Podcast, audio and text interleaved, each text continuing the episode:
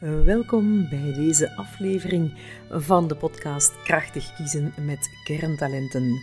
Ik help jou graag om duurzame en positieve keuzes te maken waar jij over 20 jaar nog altijd gelukkig mee bent. Geniet ervan. Goedemorgen Lisbeth, fijn om jou te zien. Goedemorgen Danielle. Hartelijk welkom op deze podcast. En we gaan het hebben over een van jouw specialiteiten, hoogbegaafdheid.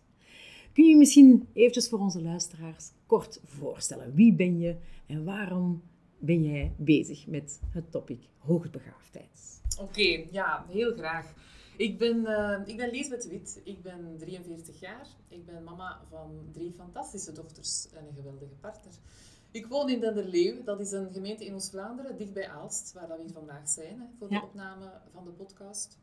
Ehm, wat vertel ik nog? Ja, van opleiding, mijn oorspronkelijke opleiding is die van kinestherapeut. Ik heb me dan gespecialiseerd in neuromotorische revalidatie en daarin ook een doctoraat gemaakt. Zo belandde ik in die academische wereld, waar ik mij best heel erg goed voelde. Want ik ben daar 15 jaar lang, heb ik daar met veel plezier blijven hangen. En heb ik onderwijs en onderzoek gecombineerd in verschillende mandaten, ook aan verschillende Vlaamse universiteiten. Laat mij zeggen, binnen het brede domein van gezondheidswetenschappen. Ja, dus niks met hoogbegaafdheid. Dat valt op in het verhaal. Dus hoe is het er dan wel in gekomen? Ja. Door mijn kinderen. Ja. Zoals dat vaak is bij vele van de professionals die met die doelgroep werken. Dus in een zoektocht van welke begeleiding hebben ze nodig. Het liep allemaal niet zo vlot als dat we gedacht hadden. Ja, voor, en gehoopt en hadden. Gehoopt hadden ja. ja. Ben ik me daar zelf in gaan verdiepen in dat topic. En zo kwam ik bij Hoogbloeier uit. En daar volgde ik dan zelf een aantal opleidingen. En wie is Hoogbloeier? Hoogbloeier, ja, dat is belangrijk om te vertellen. Hoogbloeier is een of het expertisecentrum rond hoogbegaafdheid in Vlaanderen. Dat is ook een opleidingscentrum. Mhm. En ik ben daar dan later coördinator ook van geweest. Mhm. Ik heb dan zelf heel wat opleidingen gegeven, diegene die ik dan eerst initieel had gevolgd. Mhm. Want op dat ogenblik, als ik die opleidingen volgde, gaf me dat heel veel inzichten. Dat die echt wel wat puzzelstukjes op zijn plaats vallen. Ja. Betekende veel voor mij en ik dacht, ik ga daar ooit professioneel nog iets mee doen. Maar op dat ogenblik had ik een leuke job. Ik kom op tegen kanker met heel veel leuke mensen. Ja, een heel leuk team. Dus ik dacht, ik parkeer dat even. Dat is iets voor later. Ja. En dan een drietal jaar geleden, dan, er zijn zo van die momenten in het leven dat er van alles gebeurt. waren goede dingen en ook minder goede dingen. Maar een van de goede dingen was dan dat ik de kans kreeg om coördinator van Hoogbloeier te worden. En dat heb ik dan echt met beide handen gegrepen. Daar heb ik ook nog geen seconde spijt van gehad. Dat is een hele mooie organisatie. Mhm. Dat partnernetwerk bestaat uit een twintigtal mensen, fantastische mensen, die zich dag in dag uit inzetten voor die doelgroep. Ik merk ook dat ik in het verleden sprak, want Ja? dat is nog maar recent, maar ergens midden juni Mhm. eh, heb ik de fakkel overgedragen. Dat was een hele boeiende en een hele uitdagende avontuur eigenlijk, om coördinator van Hoogbloeier te zijn. Maar ik voelde dat het tijd was om mijn eigen verhaal te schrijven. Aha. Vertel, wat is jouw eigen verhaal? Absoluut Ja. mag je dat vertellen, jazeker. Ja, ik eh, wil mij oriënteren om zelf als zelfstandige te gaan starten en een, een begeleidingscentrum en trainingscentrum rond hoogbegaafdheid te gaan opstarten. Waarbij ik mij wil echt richten op de doelgroep van de hoogbegaafde adolescent, maar ook Mhm. student en, en volwassenen en de begeleiders daarvan. Ja. Ik kan dan zeggen, is daar nog nood aan? Hè, want er poppen allerlei coaches en begeleidingspraktijken die poppen op. En dat is ook goed, want er is wel veel nood. Maar het verschil dat ik wil maken is dat ik wil vertrekken vanuit de kracht die hoogbegaafdheid is. Dus Hè, niet vanuit de problemen die ze allemaal hebben, niet maar vanuit juist vanuit hun kracht. Die zijn er ook. Ik ga ook niet zeggen dat die er niet zijn. Maar omdat dat geluid nu wel veel klinkt, wil ik heel bewust een tegengeluid laten klinken. En echt vertrekken vanuit dat sterk potentieel Mhm. dat daar ook in schuilt. En dat kan bloeien, dat kan floreren als we een goede afstemming hebben met de omgeving. Ja. Dus dat zal datgene zijn waar ik de komende jaren mee bezig ben en waar je van zal horen, Ja. hoop ik dan. En dat ga je niet alleen voor privé, voor particulier doen, maar dat wil je ook voor bedrijven gaan doen. Voor professionals. Ja, zeker en vast ook. Ja. Ik wil ook die professionals meekrijgen, graag of introduceren in dat gedachtegoed van de positieve psychologie. Dat is iets waar ik zelf heel veel mooie mogelijkheden in zie om het gedachtegoed daarvan te gaan integreren eigenlijk met het gedachtegoed van wat betekent dat nu om hoogbegaafd te zijn. Hè? En om vanuit de interventies en de bewezen methodieken die daar te gaan gebruiken. Ja. Dus eigenlijk om al dat prachtig potentieel naar boven te laten komen en de kans te geven om gebruikt, ingezet en ontwikkeld te worden. Ja. Ja, Sluit prachtig aan bij onze filosofie van de core talent, van de kerntalentenmethode natuurlijk. Ja. Maar jij hebt nog geen analyse gehad, dus eigenlijk heb je het nog nooit meegemaakt wat Nee, het betekent. nee, nee. Wij- dat is pas over twee weken, hè? Ja. Heb jij je Ja, analyse? dat eraan. Ik ben heel benieuwd wat je daarvan gaat vinden. Goed, dan gaan we even naar het volgende stukje. Wat is hoogbegaafdheid precies? Wil je dat eens uitleggen? Want daar doen heel veel misverstanden de ronden over. Hè? Ja, inderdaad, dat klopt. Ik ben heel blij met die vraag. Dat is op zich een heel eenvoudige vraag. Het antwoord is dat helemaal niet. Het is geen moeilijk antwoord, maar het is een genuanceerd antwoord. Om dat te illustreren, in de opleidingen die ik vroeger gaf bij Hoogbloer, waren er zelfs twee volledige lesdagen die gewijd werden aan het topic wat is hoogbegaafdheid. Nu, we kunnen geen podcast organiseren die twee dagen duurt, lijkt mij. Daar zit niemand op te wachten. Nee. Dat gaat niemand Helaas. interessant. Dus ik vat het graag even samen. Maar ik wil toch wel maar meegeven dat het antwoorden van de vraag, het is eerder niet wat is hoogbegaafdheid, maar wat is je visie op hoogbegaafdheid. Oké. Ja, dus hoe, hoe komt dat dan nu zo complex of zo genuanceerd is? De wetenschap levert ons geen eenduidige definitie van wat dat hoogbegaafdheid is. Er zijn absoluut wetenschappers, onderzoekers die zich daarmee bezighouden. En zo zijn er verschillende wetenschappelijke modellen ontstaan. Maar elk model is dan wel weer anders en legt andere accenten. En afhankelijk van het model dat je kiest, eindig je met een andere doelgroep. Die andere kenmerken heeft en die soms wat groter en soms wat kleiner is. Dus dat is wel heel belangrijk te weten. Is het, het hoge IQ, is dat geen vastgegeven in eender welk model? Nou, nee. Maar dat is goed dat je dat vraagt, omdat van daaruit zijn we begonnen. Begin de 20e eeuw was hoogbegaafdheid, intelligentie, dat was een statisch unidimensioneel gegeven. Mhm. Dus unidimensioneel één component en dat was een cognitieve, dus inderdaad IQ, te meten met een IQ-test. Goed, Met alle Eenvoudig. haken en ogen van dien. maar wel duidelijk. Ja. En een cijfer, Ja. zwart op wit. Ja. Mhm. En statisch, dat betekent, we meten het en dan weten we het. Je hebt het of je hebt het niet. Mhm. Heb je het? Ah, prima. Succes verzekerd, als het ware. Heb je het niet, dan weg voor jou. Dan, om het even wat je ook doet in je leven, dan zal het niet zo succesvol verlopen.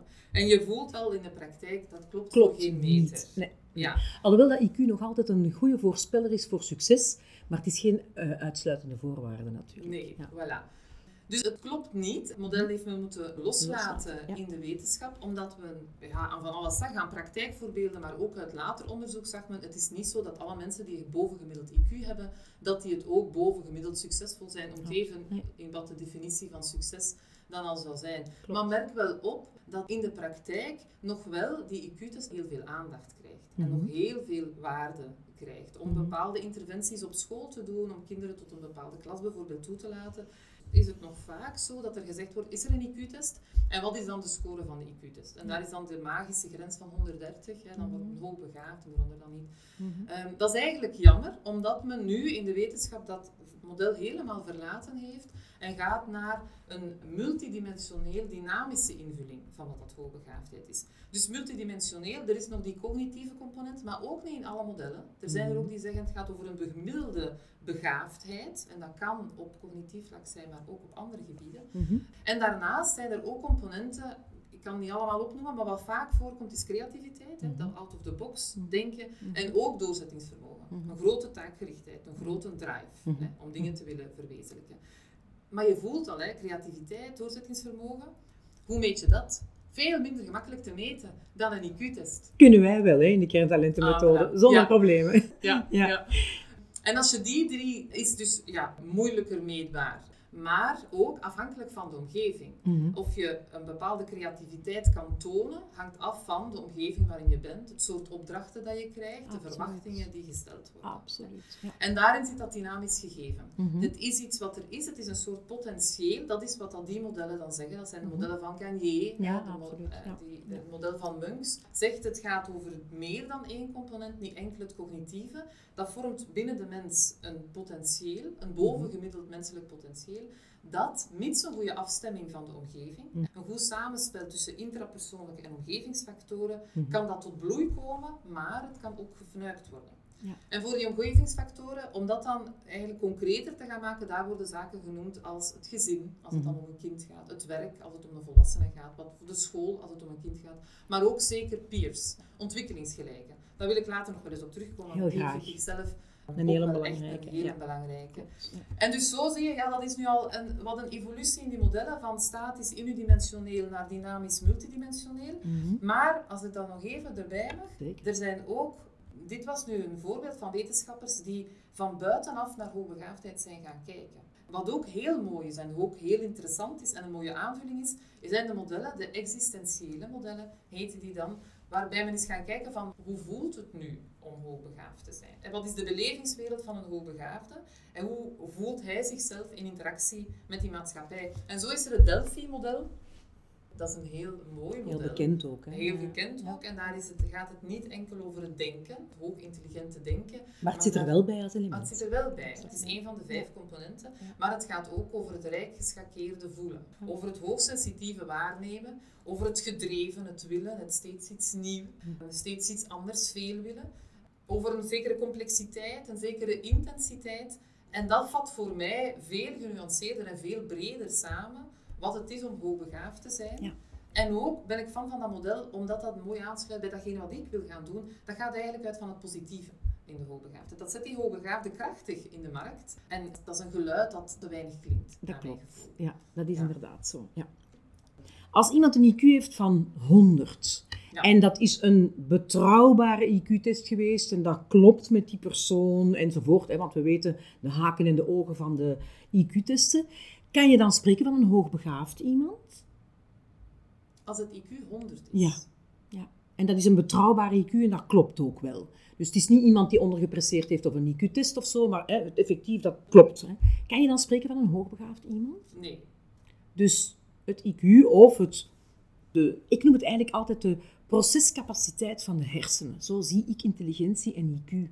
Dus niet zozeer het cijfer, maar de mogelijkheid om te kunnen processen, snel te processen, veel te processen, hè, het verder, breder en dieper denken. Ja. Eigenlijk, dat pak ik mee eigenlijk als definitie voor een eh, hoge begaafdheid. Ja. En dat blijft wel. Ja, dat, Dat- blijft dat zo. blijft ja, zo. hoogbegaafde kinderen, jongeren, volwassenen kunnen snel dingen oppikken, kunnen snel zaken leren, hebben twee woorden nodig bij manier van spreken en zijn er al weg. Ja, dus het, het snel kunnen verwerken van informatie, het snel kunnen doorgronden ervan is inderdaad wel een kenmerk. En een IQ van 100 is een gemiddeld IQ en dan gaat men niet in die richting van hoogbegaafdheid of meerbegaafdheid gaan denken. Nee. Goed. Het stelt mij een beetje gerust, want ik was al aan het denken van oei, heb ik hier een afslag gemist? Want ik ben zelf ook twintig jaar eh bezig geweest rond hoogbegaafdheid. Ik ben ook voorzitter geweest eh, van een hoogbegaafde vereniging. Dus ik dacht dat ik erin thuis was en ik was even bang dat ik het spoor had gemist van de laatste ontwikkeling. De procescapaciteit blijft Absoluut toch nog altijd. Oké, ja. goed, dankjewel. Wat we wel zien is dat er de laatste jaren meer aandacht gekomen is voor hoogbegaafdheid. Hè, op verschillende domeinen. Het staat op de politieke agenda. Er zijn interuniversitaire projecten die daar rondlopen. Er beweegt van alles in het onderwijs. Allemaal absoluut ten goede. Maar naar mijn gevoel is de slinger wel doorgeslagen. Waar dat we of vroeger niet wisten dat het bestond, of men zag het als een luxe probleem, wordt het nu overgeproblematiseerd.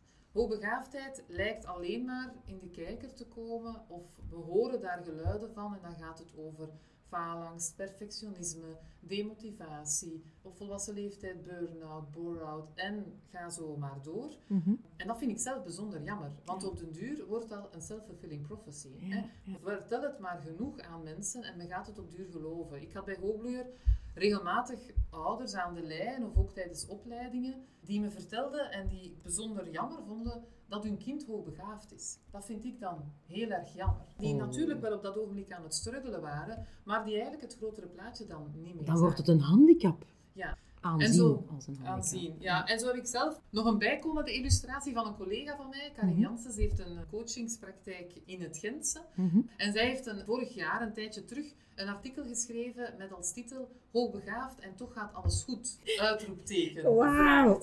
Wauw. Ja. ja. Ja. en zij baseerde dat op een verhaal. Alleen een verhaal, er was een dame, een jonge dame die zich had aangemeld. Een jonge dame waarbij alles eigenlijk heel erg goed liep. Hè. Zo had professioneel een job die goed aansloot, die ze heel graag deed. Ze had een goede partner, ze had eh, fijne vrienden. Alles liep helemaal prima en toch was ze daar voor begeleiding. Waarom? Omdat ze als kind gehoord had gekregen dat ze hoogbegaafd was. En met al die negatieve geluiden en wat ze las rondom zich hè, in de krant en wat ze hoorde, was ze heel erg bang geworden van wanneer gaat het mij overkomen. Wanneer Oh. komt die Oh. verlammende faalangst? Oh. Wanneer komt die uitputtende burn-out? En vooral, wat kan ik doen? Hoe kan ik anticiperen dat het mij niet overkomt? Dus dat is echt een schrijnend verhaal. Die leefden in angst. Die leefde in angst, niet omdat ze hoogbegaafd was, maar omdat ze hoorde wat daar allemaal mogelijk nog op haar Hmm. levenspad zou komen, omdat ze hoogbegaafd zou zijn. Goh, ik ben blij dat je deze mythe doorprikt. Dit is echt belangrijk. Voilà. Ja, mooi. Dankjewel. Zeg Lisbeth, je hebt al een paar dingen verteld over wat dat mensen soms denken dat hoogbegaafdheid betekent, maar er zijn nog mythes, denk ik. Hè? Ja, absoluut. Een heel wijd verspreide mythe is dat als je hoogbegaafd bent, dat je dan ook perfectionistisch bent, ook hooggevoelig, ook een hoog rechtvaardigheidsgevoel en ook een hoge kritische ingesteldheid. Dat noemen ze de zogenaamde zijnskenmerken van hoogbegaafdheid, die naast dat cognitieve potentieel gaan staan. En er zijn inderdaad hoogbegaafde mensen die die kenmerken hebben, maar er zijn er evengoed die die kenmerken niet hebben. Hoe komt dat dan? Dat dat zo aangenomen wordt? Omdat dat heel herkenbaar is. En dat zijn vaak kenmerken van mensen die we zien in praktijken, hè, die in coachingspraktijken, in begeleidingspraktijken terechtkomen.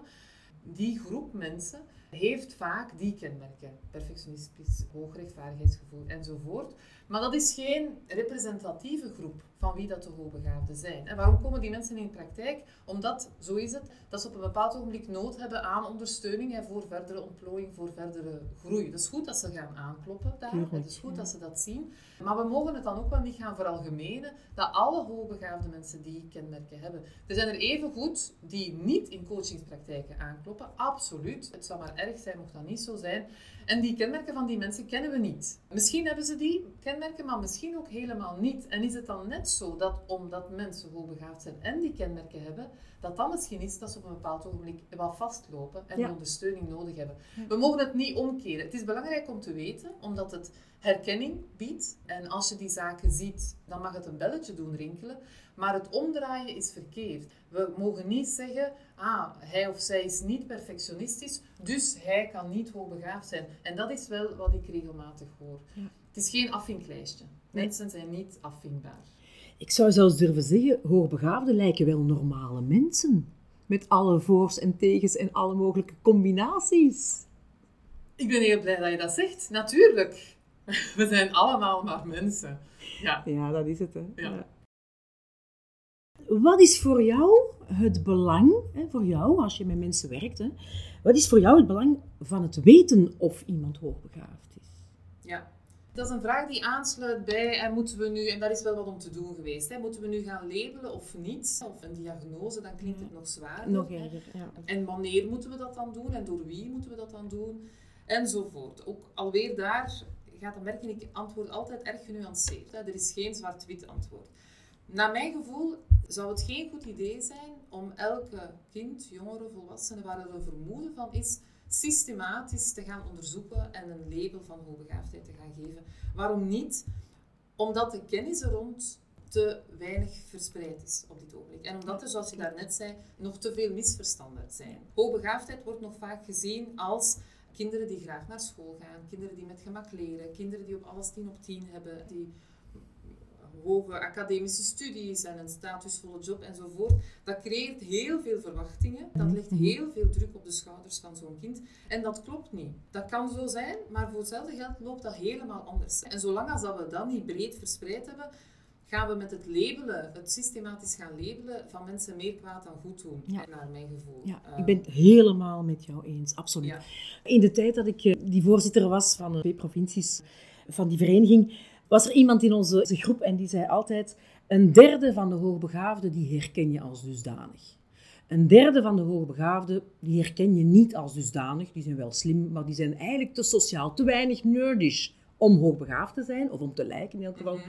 En een derde van de hoogbegaafden, ja, die liggen onder de bruggen van Parijs. En ik vind dat zo'n mooi, het is natuurlijk een boetade, maar eigenlijk komt het er wel op neer. Mensen begrijpen niet altijd wat hoogbegaafdheid is. Ja, ja, ja. Nu, ik wil daar nog bij aanvullen. Ik wil dan ook niet pleiten dat we het niet mogen doen en nooit mogen doen. Er zijn ook absoluut wel omstandigheden waarbij dat het inzicht krijgen van ha, ik ben misschien hoogbegaafd op een bepaald ogenblik in het leven en dat ogenblik is voor elke mens weer anders, kan dat heel, heel therapeutisch gaan werken Ja. zelfs. En mensen kunnen plots op volwassen leeftijd begrijpen, ah, daarom voelde ik mij wel misbegrepen. Of daarom liep het niet zo goed op school. Of daarom voelde ik mij altijd zo wel een vreemde eet in de bijt. Of, ha, ik ben dus niet dom. Of ik ben dus niet dom. Ja, ja maar er was... Omdat bijvoorbeeld een studie niet is afgemaakt. Ja, er was gewoon geen goede afstemming tussen mijn leernoden, de manier waarop ik leerde, mijn leerhonger en de omgeving waarin dat ik mij op dat ogenblik vertoefde. Dus in die zin is het absoluut iets om te onderzoeken van moeten we die weg opgaan of niet? Maar Mhm. daarbij dan altijd wel de vraag, waarom willen we het weten? Ja. Als ik bij Hoogbloeier de telefoon kreeg van ouders van, kunnen we bij jullie ook laten testen en kijken of ons kind hoogbegaafd is of niet? Dan was mijn vraag daarop, en waarom wil je dat graag weten? Ja. En da van daaruit moet je eigenlijk vertrekken. En vaak is het dan, ja, het loopt niet goed op school. Oké, dan kan een IQ-test inzicht geven, maar dan zijn er ook wel echt andere middelen waarbij dat de didactische niveaubepaling wordt gedaan. Ja. Waarbij je dan een heel goed zicht krijgt op die schoolse vaardigheden en de voorsprong dat daar is. En Mhm. ah ja, moeten we een kind dan misschien verrijking geven, een ander aanbod geven, een klas laten overslaan bijvoorbeeld, dat kan ook. Ja. De vraag is altijd, wat heeft een kind nodig, Ja. of een volwassene, Ehm, om zich op een evenwichtige manier verder te kunnen ontwikkelen. En soms lijkt het dan, als je dan de ontwikkeling in kaart gaat brengen en die lijkt bovengemiddeld af te wijken, Mhm. ja, dan noemen we dat hoogbegaafdheid. So what, eigenlijk? Ja, ja. Dat doet er op zich niet toe. Je weet geeft het een naam omdat, Ja. je, omdat je het... Ja. omdat het een naam heeft. Maar eigenlijk gaat het, ah oké, dan weten we dat dat en dat en dat wat afstemming gaat nodig hebben. Dat we daar gaan aan moeten gaan aan sleutelen. Opdat we een goede afstemming hebben tussen omgeving en individu. Daar gaat het eigenlijk altijd over. Dat is, dat is een universeel gegeven, dat is voor alle mensen zo. Dat is zo, hè. Absoluut. voor Ja.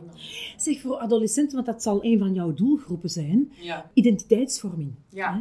Ik weet dat dat ook een belangrijk gegeven is. ja. Kan je daar een beetje meer over vertellen? Ja, ja, inderdaad. Hè. In de adolescentie, de puberteit, komt identiteit op de voorgrond als een thema. Jongeren zijn heel hard aan het zoeken. Alle jongeren, niet alleen hoogbegaafde jongeren. Wie ben ik? Wie wil ik zijn? Hoe zien anderen mij? Bij welke groep wil ik graag horen? Bij de groep van die populaire meisjes? Of ja, maar ik studeer toch ook wel graag en dat past het daar dan wel bij. Dus dat is heel hard zoeken. En dan loopt het, dat is een moeilijk proces. Hè. Dat is voor velen op dat ogenblik hè, is dat best, wel, best wel uitdagend. En als je dan hoogbegaafd bent, dan kan dat nog wel een extra dimensie hebben. Om als, dan kan het zo zijn dat de leeftijdsgenoten niet per se ontwikkelingsgelijke zijn, waarbij dat die interesses wel heel erg op een ander vlak kunnen liggen, waarbij dat er over andere dingen gepraat wordt, of over een andere manier gepraat wordt. En dan is het echt schipperen tussen, ja, wie wil ik zijn, maar ik wil er eigenlijk ook wel graag bij horen. Hè, mensen willen, iedereen wil ergens bij horen. Hè. Dat Ja. is dan fundamenteel. We willen bij een groep horen, we willen ons ergens thuis voelen. En dan wordt er zo gebalanceerd tussen ja, je gaan aanpassen om erbij te horen, maar toch ook nog wel bij jezelf dicht blijven en niet te ver daarin gaan. En op zo'n ogenblikken bijvoorbeeld kan het inzicht van dat iemand hoogbegaafd of meer begaafd is. En wat daar dan bij komt, en dat dat anders zijn, dat anders voelen, Hm. dat dat van daaruit kan komen, dat kan dan ook wel inzichten geven. Zodanig dat iemand zich niet gaat isoleren, omdat hij zich anders voelt en vreemd voelt. Ja, en zijn ze daar rijp voor op die leeftijd? Want dan denk ik aan maturiteit. Hè. We weten uit ervaring dat hoogbegaafde kinderen daarom niet matuur zijn. Hè. Dat is een totaal ander gegeven. Denk je dat ze dat aankunnen? Ja, bijvoorbeeld een 16, 17, 18-jarige die dan uiteindelijk... Ja, dat we gaan zoeken, er zijn problemen en we zoeken dan. En uiteindelijk komt hij dan, ja, die is hoogbegaafd. Maar is dat ook altijd een bevrijding? Kan die dat aan? Zelfs volwassenen begrijpen het niet altijd. Dus, Als het goed gekaderd wordt, Ja. als het door iemand die de juiste kennis, de juiste achtergrond van wat dat hoogbegaafdheid is, van wat mogelijk valkuilen, maar wat ook grote sterktes zijn, zo gebracht wordt, wat het betekent voor je cognitief vermogen, maar ook voor je sociale leven en voor je emotionele leven, dan ben ik daar absoluut van overtuigd dat dat een hele grote meerwaarde kan zijn. Ja. Ja.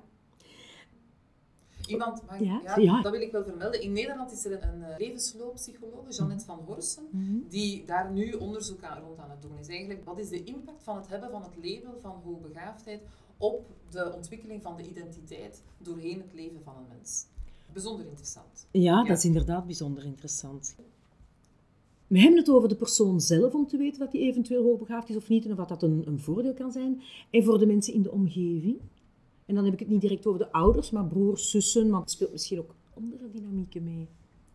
Ja, ook voor de mensen in de omgeving, ook daar is het dan, de vraag is, waarom moet dat een naam krijgen? Het is eigenlijk voortdurend het afstemmen van een, een gezin van broers en zussen en ouders op elkaar. Het is zoeken naar een manier waar dat iedereen zichzelf kan zijn. Komt dat gegeven van hoogbegaafdheid binnen in een gezin, dan alweer is de uitleg daar heel erg belangrijk bij. En, en dat daar dan op een juiste manier mee omgegaan wordt. Absoluut, want we moeten ook niet het niet willen benoemen. Dan lijkt het bijna een taboe. Maar we moeten het wel op een juiste manier kaderen weer. Eigenlijk hetzelfde zoals. Ja, en kijken wat betekent dat dan voor de andere kinderen in het gezin bijvoorbeeld. Welke vragen zijn er bij de ouders? Want dat gebeurt heel vaak, dat er dan is, ah oké, maar ik herken me eigenlijk wel. En dan gaat al heel erg leven. Mhm. En als daar dan de juiste antwoorden kunnen komen op de vragen, dan kan dat dat gezin eigenlijk op dat ogenblik echt daarin vooruit helpen. Mhm. Is dat ook iets dat jij wilt doen als interventie? Het gezin zelf als geheel? Of is dat eerder iets dat je zegt van, god, daar ga ik mensen voor opleiden om dat dan te doen? Goh, ja, je kan dat sowieso niet loskoppelen. Hè. het, het, zijn systemen. Hè. Je kan een individu daar, een kind daar niet uithalen. Hè. Je moet eigenlijk altijd die hele omgeving wel mee betrekken. Dus ja. Ja, ja. mooi. Je kent de kerntalentenmethode een beetje. Hè? Je hebt het nog niet zelf meegemaakt, dat is over twee weken. Maar je weet wellicht ook dat ik in Nederland in 2015 de Mensa Fonds Award heb gewonnen voor mijn werk als zou de kerntalent de enige methode zijn die de complexiteit, maar ook de nuances van hoogbegaafden kan vatten. Wat is jouw idee over de mogelijke toepassing van die kerntalentenanalyse voor hoogbegaafden? Ja. ja, ik ken het inderdaad. Ik heb het leren kennen eigenlijk via hoogbloeierpartners die de opleiding zijn gaan volgen, die heel erg enthousiast waren mhm. en die er dan onmiddellijk in hun praktijk, in hun werking met hoogbegaafden mee aan de slag gingen. En zo heb ik dan heel concrete, mooie toepassingen gezien. Van mensen die vooral bij jongeren, bij studiekeuze, daar die methode aangrijpen en dan echt mensen heel gericht kunnen helpen om de juiste keuzes te gaan maken. En dan anderen die in loopbaanbegeleiding de tool dan gaan gebruiken. Ja, absoluut. Dus je ziet de voordelen er wel van. Zeker. Um, connectie, hoofd en lijf, ratio en gevoel. Dat is ook vreselijk belangrijk. Kan je daar iets over zeggen, specifiek voor hoogbegaafden of rond hoogbegaafdheid? Ja, hoogbegaafden kunnen goed denken, zal ik mm zo zeggen. Mm Ze hebben een sterk brein. anatomisch voorzien om goed te kunnen denken. Ja. En, en kunnen goed processen, zoals we daar net over hadden. Ja. Dus dat kunnen ze goed en dat doen ze graag. En ze hebben de neiging om dat dan soms ook wel veel te gaan doen. Op momenten dat het dan misschien soms wel wat moeilijker gaat, hè, wordt er hm. gepiekerd en nagedacht en nog eens gerationaliseerd. Of ook het maken van keuzes. Hè. Gaat men in het hoofd, zo noemen we dat dan, hm. nadenken over rationaliseren, nog eens opnieuw analyseren, uiteenrafelen, dit en dat. En gaan daardoor soms misschien wel daarin te ver en rijden zichzelf vast in die gedachte, in die ratio. Als dat dan in een negatieve gedachtespiraal is, dan is dat dan helemaal problematisch. En verliezen daardoor soms de voeling met hun lijf. De connectie tussen hoofd en hart, tussen ratio en tussen emotie, inderdaad. Ja. Ik vind dat zelfs heel belangrijk. Dat in theoretische modellen zien we dat niet. Hè. Bijvoorbeeld, dat is nu geen pijler. Hè. Er is een mooie afstemming nodig tussen omgeving en individu. Maar eigenlijk ook binnen het individu moet je goed afgestemd blijven. En enkel door alleen met dat hoofd te werken, lukt dat naar mijn gevoel niet. Ik kan dat niet theoretisch onderbouwen, maar kan, mhm. ik voel het wel bij mezelf, als mhm. het ware. Als mhm. mijn hoofd overuren heeft gedaan, wat dat al regelmatig is doet, dan moet ik ook eens gaan lopen om eigenlijk terug in balans te gaan komen. Ja. Welke manier dat, dat dan is, dat is voor iedereen anders. Hè. Zo is er ook uh, meditatie en, en, mindfulness en, of duiken. Alles is mogelijk om daar mooi gebalanceerd te gaan gaan.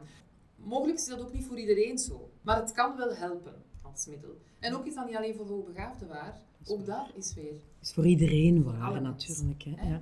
Ik herken het inderdaad wel dat hoogbegaafden eerder de neiging hebben om in hun hoofd te kruipen, want dat is iets vertrouwd voor hen. Hè. Ja. Ze zijn bij wijze van spreken meester over zichzelf en in de mate van dat ze er behoefte aan hebben van hun omgeving, op basis van hun hoofd. Of tenminste, dat denken ze toch altijd wel. Ja. Er is ooit een filosoof geweest, of een wetenschapper, maar ik ben het kwijt, ik kan het terug opzoeken, en die zei, de functie van het lichaam is het brein ronddragen daar zijn in onze methode hè, 23 kerntalenten en daaronder vallen maar eventjes zes kerntalenten. Dus zes van de 23 kerntalenten hebben componenten van fysieke actie- en bewegingsruimte. Dus daaruit kunnen we eigenlijk zien, omdat we gemiddeld meer sterke kerntalenten zien bij hoogbegaafden dan bij normaal begaafden, mm daar kunnen we eigenlijk zien dat ja, die hebben dus van nature toch ook meer kans om een paar van die fysieke actie- en energiekerntalenten te hebben en bewegingsruimte nodig te hebben. Dus als een hoogbegaafde, in mijn ogen, te veel in zijn hoofd blijft hangen en te weinig van die andere sterke kerntalenten in zit, dan gaat hij inderdaad in misbalans. Mhm. Dus dat is effectief Kijk, dat ook wat ik, ja, dat, dat ziet eigenlijk heel helder. Met analyse kun je, het, kun je het zo terugzien van, ah, dat en dat en dat steekt hij zijn tijd in, houdt hij zich mee bezig. Bijvoorbeeld, ik zeg maar iets, drie keer per week een half uur gaan wandelen. En als hij drie sterke kerntalenten heeft met actie- en bewegingsruimte, dan weten we dat dat veel te weinig is. Dan moet hij eigenlijk naar een hoger eh, niveau gaan. En dan kun je dat Mhm, effectief mhm. ook wel zien. Ja. Dan eventjes kijken voor organisaties. Want we hadden het er straks ook over dat je ook professionals wilt begeleiden. Mhm. Dus in hun professionele omgeving, in hun werkomgeving. Wat is voor jou, denk je, de grote winst voor organisaties als ze in hoogbegaafde, nou ja, investeren is misschien een vies woord weer, want dan kost het weer geld en dan worden werkgevers altijd zenuwachtig. Maar goed, in de positieve betekenis, daar is eigenlijk geen geld voor nodig, weten wij. Hoe zou je dat aanpakken? Hoe zou je dat aanbevelen? Wat denk jij daarover? Ja. ja, ik ben ervan overtuigd dat hoogbegaafde werknemers een grote aanwinst kunnen zijn voor organisaties. Omwille van hun intrinsiek eh, wie ze zijn. Hè. Rijkdom. rijkdom. Het zijn snelle, creatieve, out-of-the-box denkers hè, die autonoom kunnen zijn, die een groot doorzettingsvermogen hebben, die een grote complexiteit aankunnen en dat zelfs wensen, hè, daar eigenlijk op drijven, op een grote complexiteit.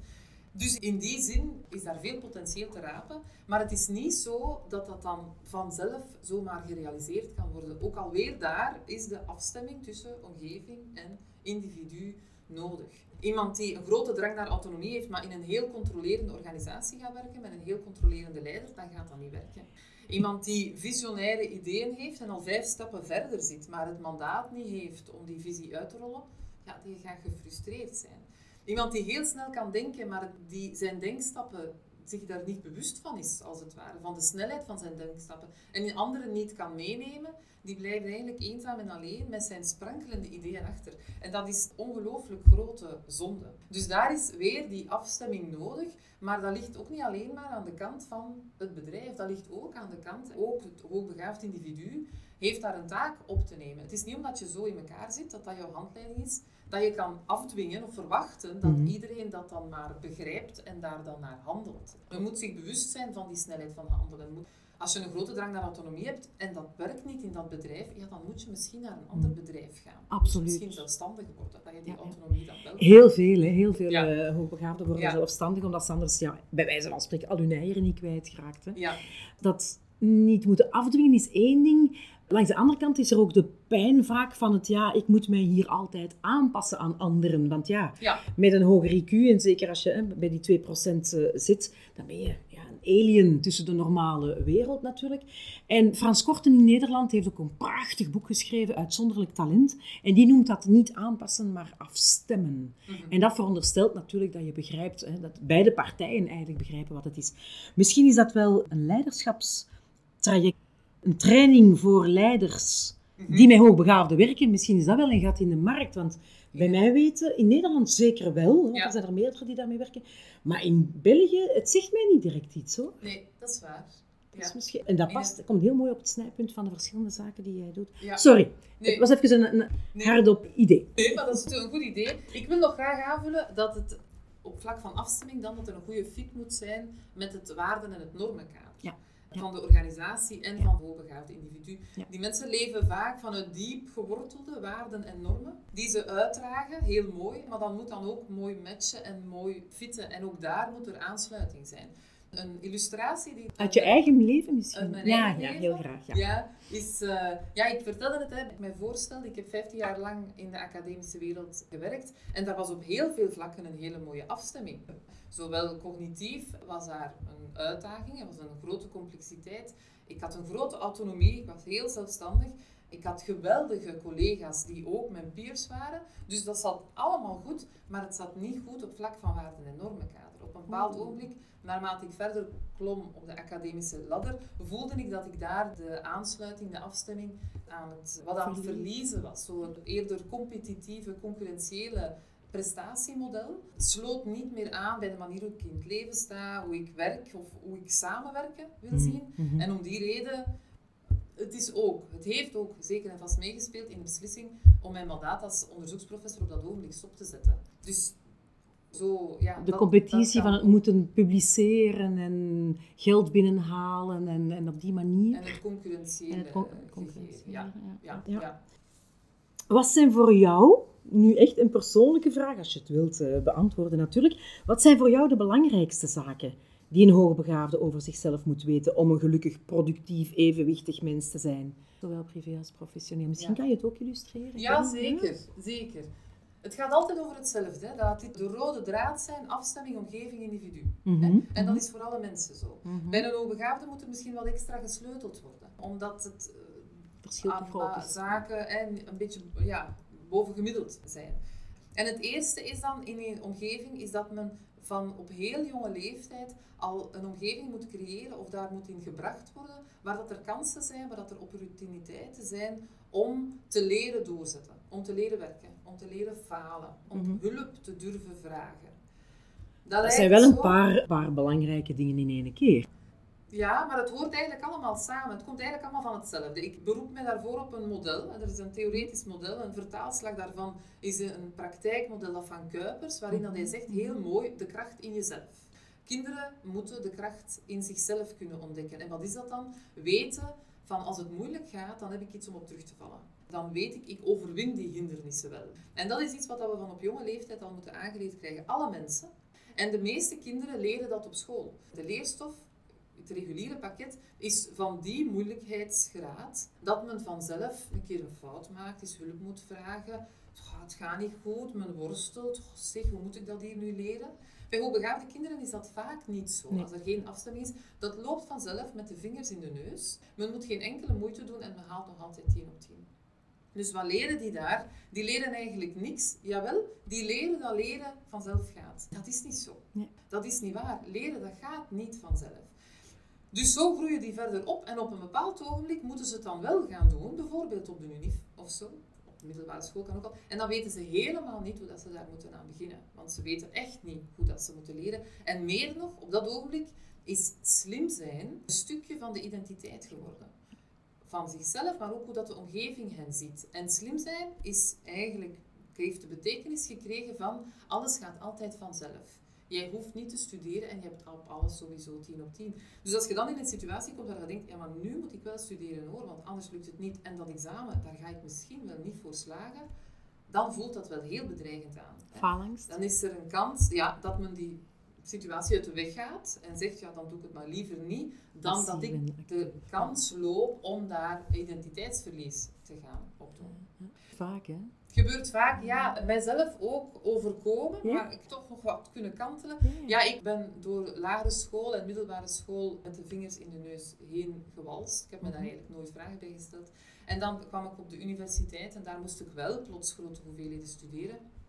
Ik wist eigenlijk niet hoe het moest, dus ik, ik deed maar wat. Je las alles een keer. maar- Ja, ja, zoiets. Ik dacht dat zo was het altijd gelukt, dus ik dacht Ja, dat dat nu ook ging lukken. Maar dat bleek toch niet zo te zijn. Dus ik had eh, tweede zittijd in de eerste kandidatuur kinesiotherapie. En ik herinner me echt nog dat het was alsof de grond onder mijn voeten werd weggemaakt. Ik had Ja. nog nooit een dergelijke faalervaring meegemaakt en wist echt niet wat me overkwam. En mijn omgeving nog veel minder. Wat was er nu gebeurd? Dus ik heb dan wel, ja, ik ben niet bij de pakken blijven zitten. Ik- Geen idee hoe ik dat dan gedaan heb, maar ik heb het wel vastgepakt en ik was er door in tweede zittijd en vanaf dan was ik er altijd door. Toen had je door zittijd. hoe je het moest doen. Ik had er Ja. dan door hoe ik Ja. moest doen. Maar mocht er op dat ogenblik in mijn leven een coach geweest zijn, mocht ik dan bij iemand kunnen te gaan die mij uitlegde, kijk, dit is wat zich nu voor, dit komt, dat maakt dat dit nu gebeurd is, hadden dat ik toen wel geweldig gevonden. Eh, op zo'n sleutelmoment in het leven. Want voor hetzelfde geld had ik het niet vastgepakt. Hè. En was het te ontwrichtend geweest, bij manier van spreken. En ja, had ik een andere weg ingeslaan. Ja. Wat ook oké was, misschien. Maar dat, dat zal ik dan niet weten. Dat nooit. Nee. Nee. Dat is één. En dan een tweede, en, ja, en dan kom ik op mijn, mijn lievelingstopic of mijn favoriete topic, of wat ik zo belangrijk vind, is dat het, het vinden van ontwikkelingsgelijken. Die peers, die vrienden die zo belangrijk zijn. Dat is, om het dan een theoretisch model, het zit in veel van die modellen, komt het naar voren. Absoluut. echt in een Ja. van de Ja. ringen, wordt het genoemd. Dat gaat ook terug naar helemaal de prehistorie. Hè. Wij zijn sociale wezens. Hè. Wij moeten mensen rond ons heen hebben Mhm. om ons te kunnen ontwikkelen. Wij ontwikkelen ons niet Ja, in en anders gaan we gewoon dood. Hè. En Ook dat, dat heeft nog, ons hè. gemaakt dat we overleefd hebben, Ja. inderdaad. Dus dat gaat van heel erg terug. Mensen willen ergens bij horen, willen bij een groep horen. En daar is het weer ja, voor gemiddeld begaafde kinderen, die vinden die sneller bij hun leeftijdsgenoten. Want leeftijdsgenoten zijn ontwikkelingsgelijke. Maar voor hoogbegaafde leeftijd loopt die leeftijd voorop, die mentale leeftijd loopt vaak ook voorop. En die vinden dan die aansluiting niet zo met hun eigen leeftijdsgenoten. Dus dan moet er gekeken worden, wat kunnen we doen? Interventies als versnellen zijn daar een mogelijkheid, mag ook niet de enige argument zijn, maar speelt ook wel mee. En is toch uh, bij het ene kind wel een goed idee, met het andere kind niet? Ja, ja, tuurlijk. Dat zijn verschillende zaken die ja. in kaart moeten gebracht worden. Maar ook buitenschoolse activiteiten, daar kan ook, het hoeft ook allemaal niet binnen die school te gaan gebeuren. Hè. Maar wel heel belangrijk. Omdat ik ook zelf persoonlijk eigenlijk ervaren heb, het leren aangaan van, of het kunnen aangaan van vriendschapsrelaties, van warme vriendschapsrelaties, wat een verrijking dat dat kan zijn voor je leven. Mensen moeten de kans krijgen om dat te kunnen oefenen. En hoogbegaafden stellen vaak al andere vriendschapsverwachtingen, die dan niet ingevuld worden en dan worden ze heel teleurgesteld en dat is niet goed voor je sociale zelfbeeld. Als je keer op keer zo'n negatieve ervaringen krijgt, ja, dan trek je je wat terug, dat is te pijnlijk. En dan word je ja, wat eenzaam, eenzaam, en wat alleen. En dat is bijzonder jammer. Als ik naar mijn eigen leven kijk, zo ook in lagere school, middelbaar, ik voelde me altijd een beetje zo wat vreemde eend in de bijt. Ik vond dat ook precies niet zo erg, dat was hoe het was, of dat was hoe ik was. Maar dan pas op de universiteit, en ook nu nog als volwassene, heb ik wel zo echt ontdekt wat een echte vriendschap is. Hoe waardevol dat dat is, hoe belangrijk dat dat is voor persoonlijke ontwikkeling. Ik denk dat dat van in de omgeving de belangrijkste pijler is. Ik denk dat we de impact daarvan niet kunnen overschatten, manier van spreken. En als dat goed zit, dan volgt die rest mee in een opwaartse positieve spiraal, naar mijn gevoel. Daar moeten we op inzetten. Ja. Moeten we iedereen kunnen gunnen. Prachtig, ja, ja. Ik ben helemaal mee in jouw verhaal. Ik herken er ook zo heel veel in, natuurlijk. Misschien tot besluit, want we zijn 40 minuten ver, dus de tijd is gevlogen. Ja, flow. Ja, en je vertelt het ook zo smakelijk en met zo'n heel goesting. En jammer dat de luisteraars je gezicht niet kunnen zien, maar je, je zit hier met blinkende ogen echt eh, voluit te vertellen. Stel dat je een gouden raad zou mogen meegeven aan je luisteraars. Wat zou dat zijn? Mijn gouden raad. Mijn gouden raad zou zijn om, zelfs al gaat het wat moeilijker en zijn er wat hindernissen op het pad, om toch altijd hoogbegaafdheid te blijven zien als een grote kracht die daar vanuit gaat. Als een groot potentieel, als een grote sterkte. En niet alleen maar geassocieerd zien met potentiële problemen. Dat is wat we vaak horen en ik wil dat ook absoluut niet minimaliseren. Maar vergeet niet dat er ook echt sterktes zijn, dat er ook grote kwaliteiten zijn die ook inherent binnen dat hoogbegaafde individu zitten. Ik wil dat gewoon meer laten klinken en ik hoop dat ik dat gedaan heb vandaag in die podcast. Want net zoals het laten klinken van het negatieve geluid op den duur een self-fulfilling prophecy. Mhm. Kan ook dit, als we dit veel laten klinken, veel mensen horen dat en geloven daarin, hebben de hoop dat dat dan ook wel weer zal voorbij gaan en dat mhm. die ook wel weer hun weg zullen vinden, dan wordt ook dat een self-fulfilling prophecy. Hoe mooi zou dat zijn? Dat zou prachtig zijn. Oké, dan denk ik dat we aan het einde van onze podcast zijn gekomen. Is er nog iets dat je zelf misschien nog wilt vertellen of kwijt wilt? Waar kunnen mensen jou vinden? Wel, ik ben op, op dit ogenblik volop bezig met het maken van een eigen website. Dus dat is under construction, zoals dat dan heet. Ja. Maar dus in tussentijd kunnen mensen mij bereiken op mijn mailadres. Dat is Liesbeth Wit, Liesbeth zonder H, alles aan elkaar. liesbethwit.hotmail.com En ik heb ook een LinkedIn-profiel op dezelfde naam uiteraard en een Facebook-profiel. Dus van daaruit kunnen mensen mij ook makkelijk terugvinden en zeker ook contacteren. Dan rest mij alleen nog jou heel veel succes te wensen in deze nieuwe wending weer in jouw leven. Hè, met je eigen begeleidings- en trainingscentrum voor hoogbegaafden. Om dus inderdaad ze vanuit hun kracht te gaan begeleiden. En dan tenslotte wil ik jou natuurlijk van harte danken. Ik vond het fantastisch dat je erbij wou zijn. Ik heb het heel graag gedaan. Dank je wel voor ik de uitnodiging. Zag het. Dankjewel om naar mijn podcast te hebben geluisterd. Ik hoop van harte dat je ervan genoten hebt. Laat mij gerust weten wat jij ervan vond of stel je vraag eventueel via daniel.krekels.coretalents.eu. Als je hem de moeite waard vond, kan je je misschien ook uh, abonneren via de juiste knop en dan krijg je meteen een berichtje als er een nieuwe verschijnt. Nog fijner zou ik het vinden als je ook een review wilt achterlaten. Wil je meteen al veel meer weten over kerntalenten, kan je natuurlijk op onze website gaan kijken www.coretalents.eu EU en daar vind je nog heel veel mooie artikels en verhalen. Dankjewel, tot ziens!